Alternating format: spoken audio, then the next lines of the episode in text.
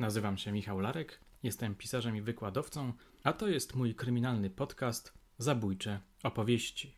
Sezon specjalny wokół martwych ciał. Odcinek trzeci Proces Edmunda Kolanowskiego.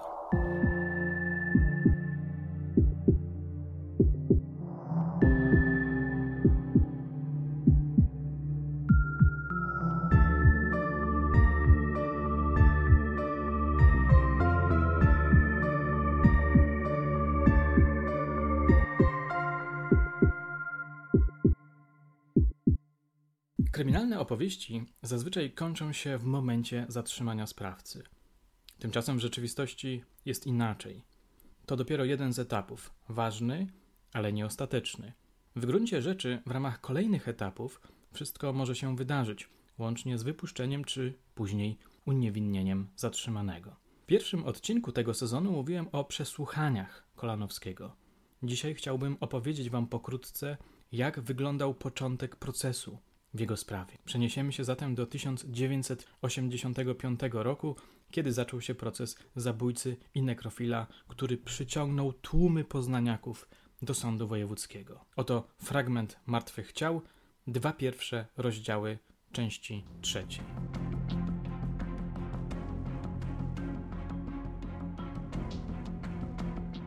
Pierwsza rozprawa.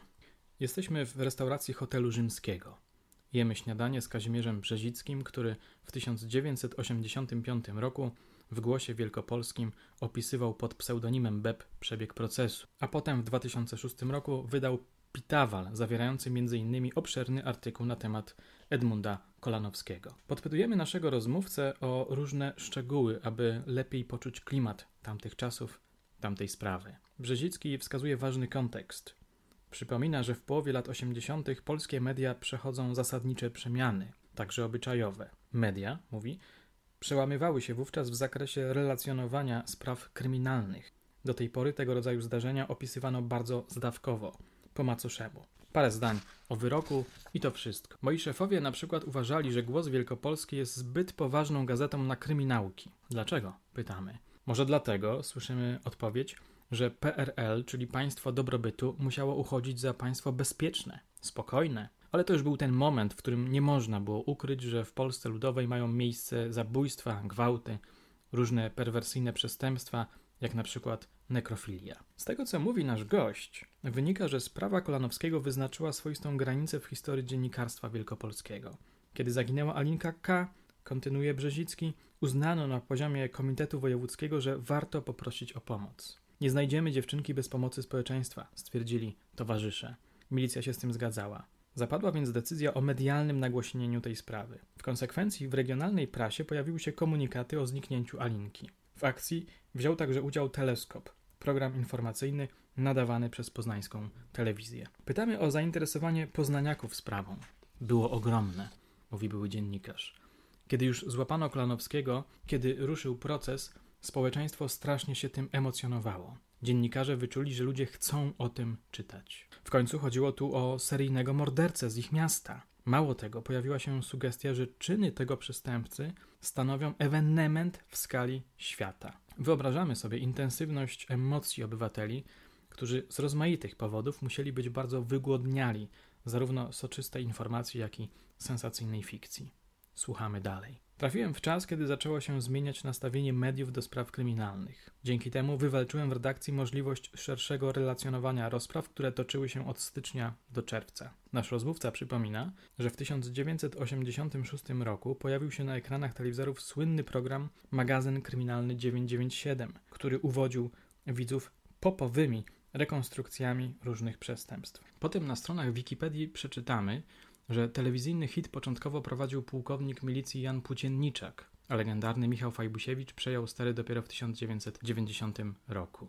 Do ludzi władzy doszło wtedy, przekonuje nas Brzezicki, że tego rodzaju produkcje nie były nastawione na epatowanie przemocą, ale na rzeczywistą pomoc. Publiczna wiedza o dokonywanych przestępstwach jest niezbędna do budowania bezpiecznego państwa. To powoli stawało się jasne. Ale pamiętam, ile musiałem poświęcić czasu, chcąc przekonać redakcję, że tak właśnie należy na to patrzeć.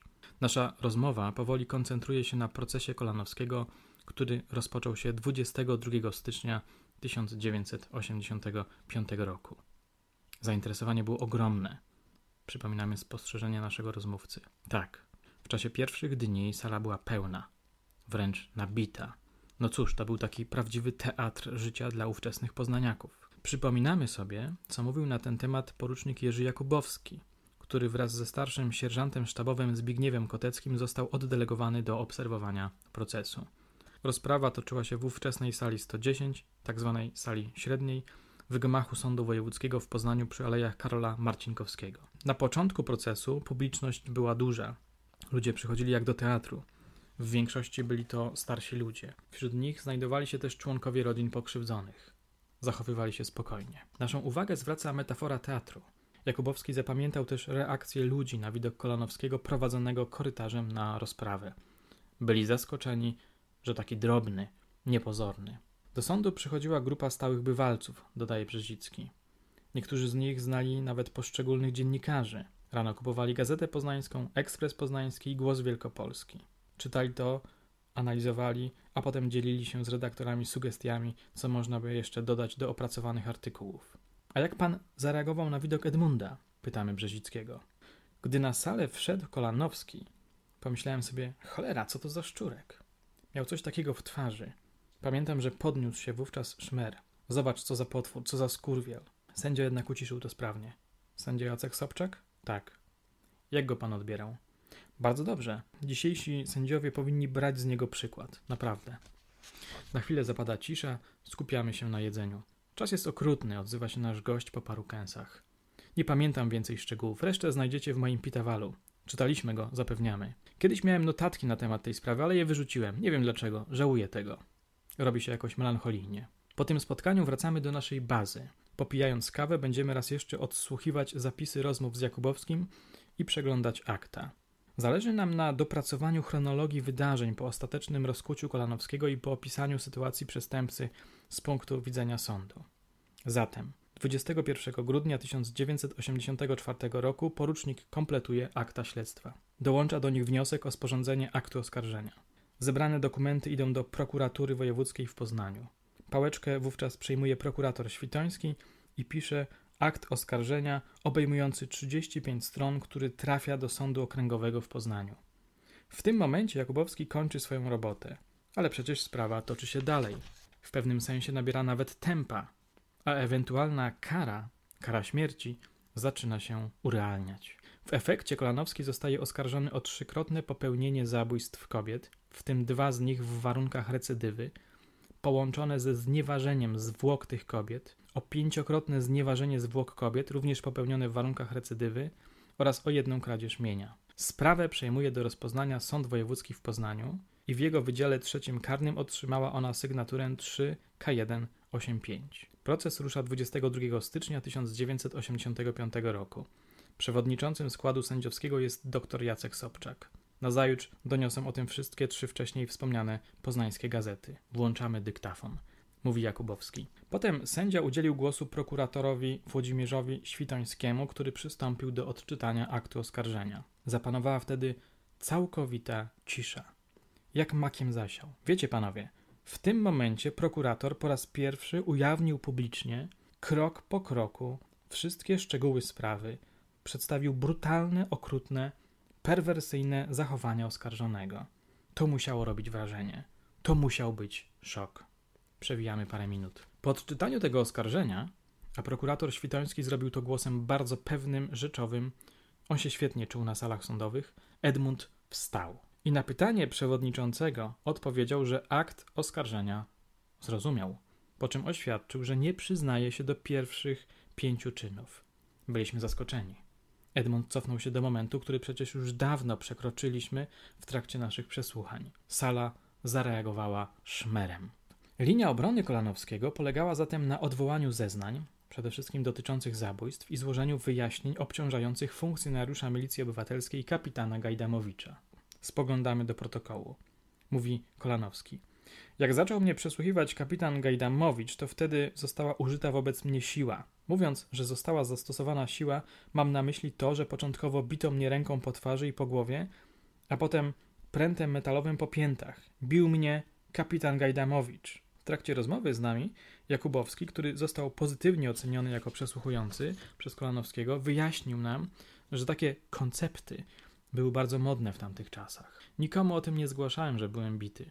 Nie miałem żadnych śladów po tym biciu, ani też okaleczeń. Miałem spuchnięte pięty. Lekarzom o tym, że mnie bito, nie mówiłem. Parę linijek dalej. Gdyby mnie nie bito, to bym się nie przyznał. Po taktycznym manewrze Kolanowski zaczyna przedstawiać swoją biografię, dobrze nam znaną, w którą wplata opisy nekrofilnych i fetyszystycznych działań. Niemniej zaprzecza temu, jakoby miał popełnić niektóre z zarzucanych czynów. Ostatnie wypowiedzi Kolanowskiego dotyczą przestępstwa dokonanego w Nowej Soli, zbezczeszczenie zwłok w nocy z 27 na 28 lipca 1980 roku. Zaprzeczam temu, czytamy na stronie 23 protokołu. Prawdę mówię tylko na rozprawie. Prawdę mówię tylko na rozprawie. Tak właśnie Głos Wielkopolski zatytułował swoją relację z drugiego dnia procesu, cytując jednocześnie kontrowersyjną wypowiedź oskarżonego.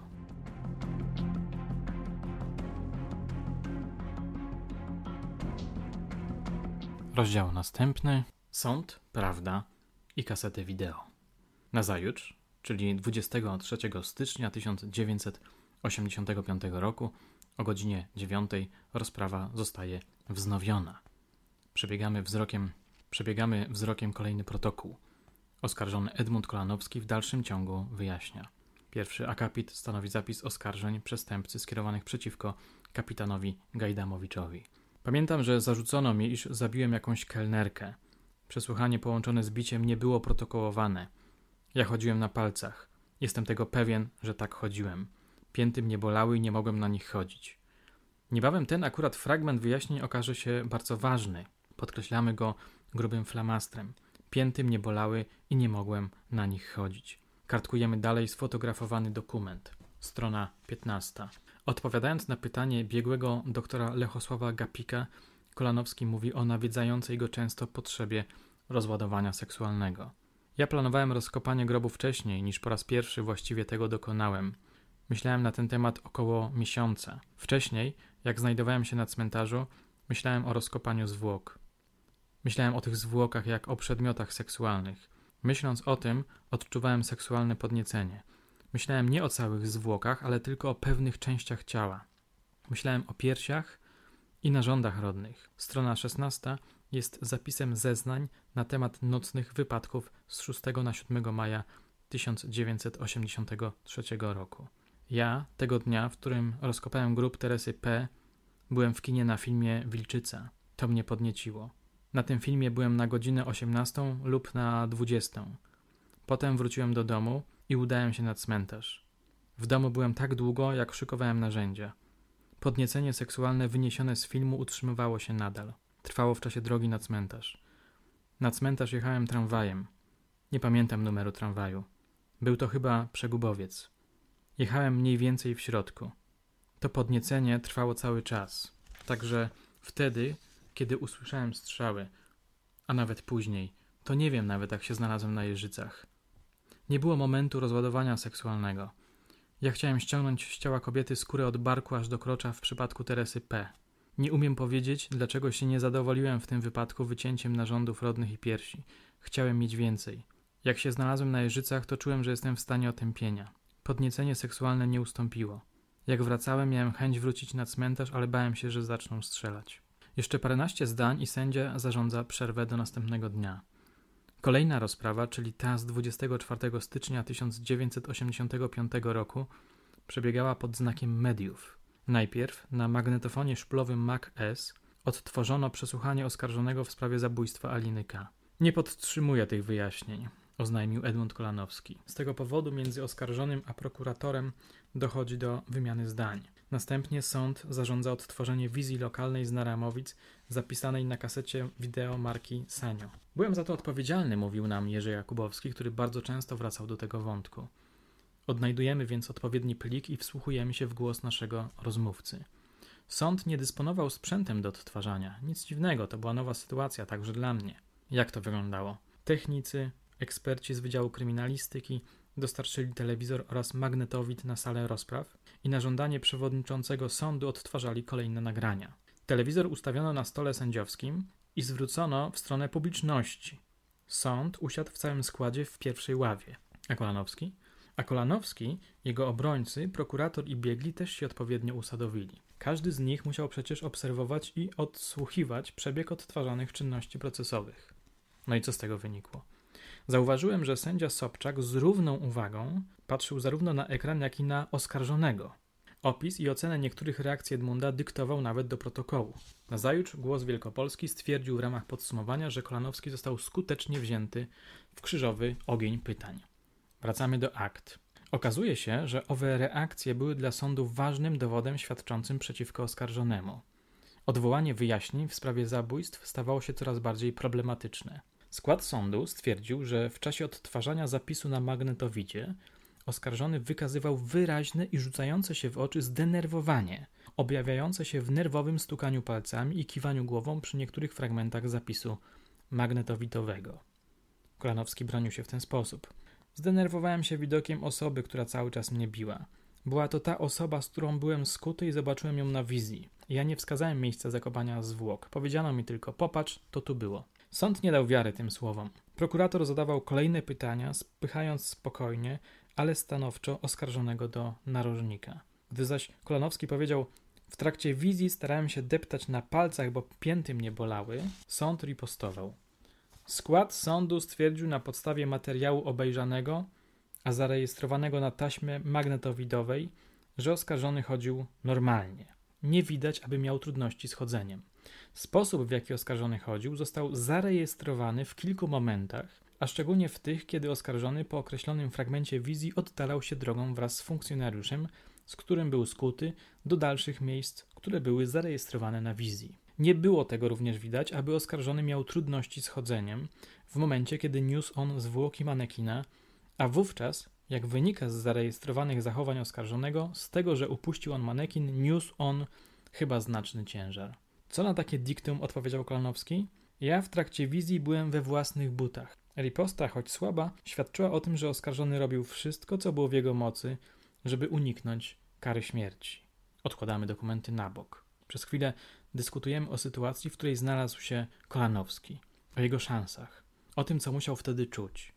Wracamy do pliku, który zawiera zapis naszej rozmowy z Kazimierzem Brzezickim. Przypomina nam się bowiem, że dziennikarz wspominał coś na temat rozprawy z tamtego dnia. Naciskamy play. On chyba wtedy, mówiąc poetycko, poczuł odór kary śmierci. Zaczął się bać. Na serio. Przeszedł więc do defensywy. To nie ja mówił. Wszystko mi wmówili. Bili mnie. Powtarzał. Taka była jego linia obrony. A pamięta pan, jak się zachowywał w czasie odtwarzania wizji lokalnej w Naramowicach? Coś w nim drgnęło. To znaczy, zaczął się inaczej zachowywać. Jak? Skulił się. Zapadł w sobie. Coś jeszcze? Schylił głowę, poczuł śmierć.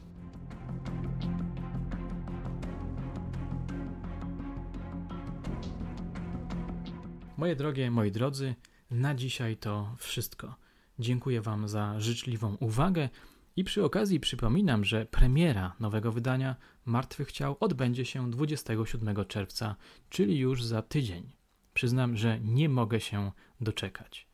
Do usłyszenia niebawem.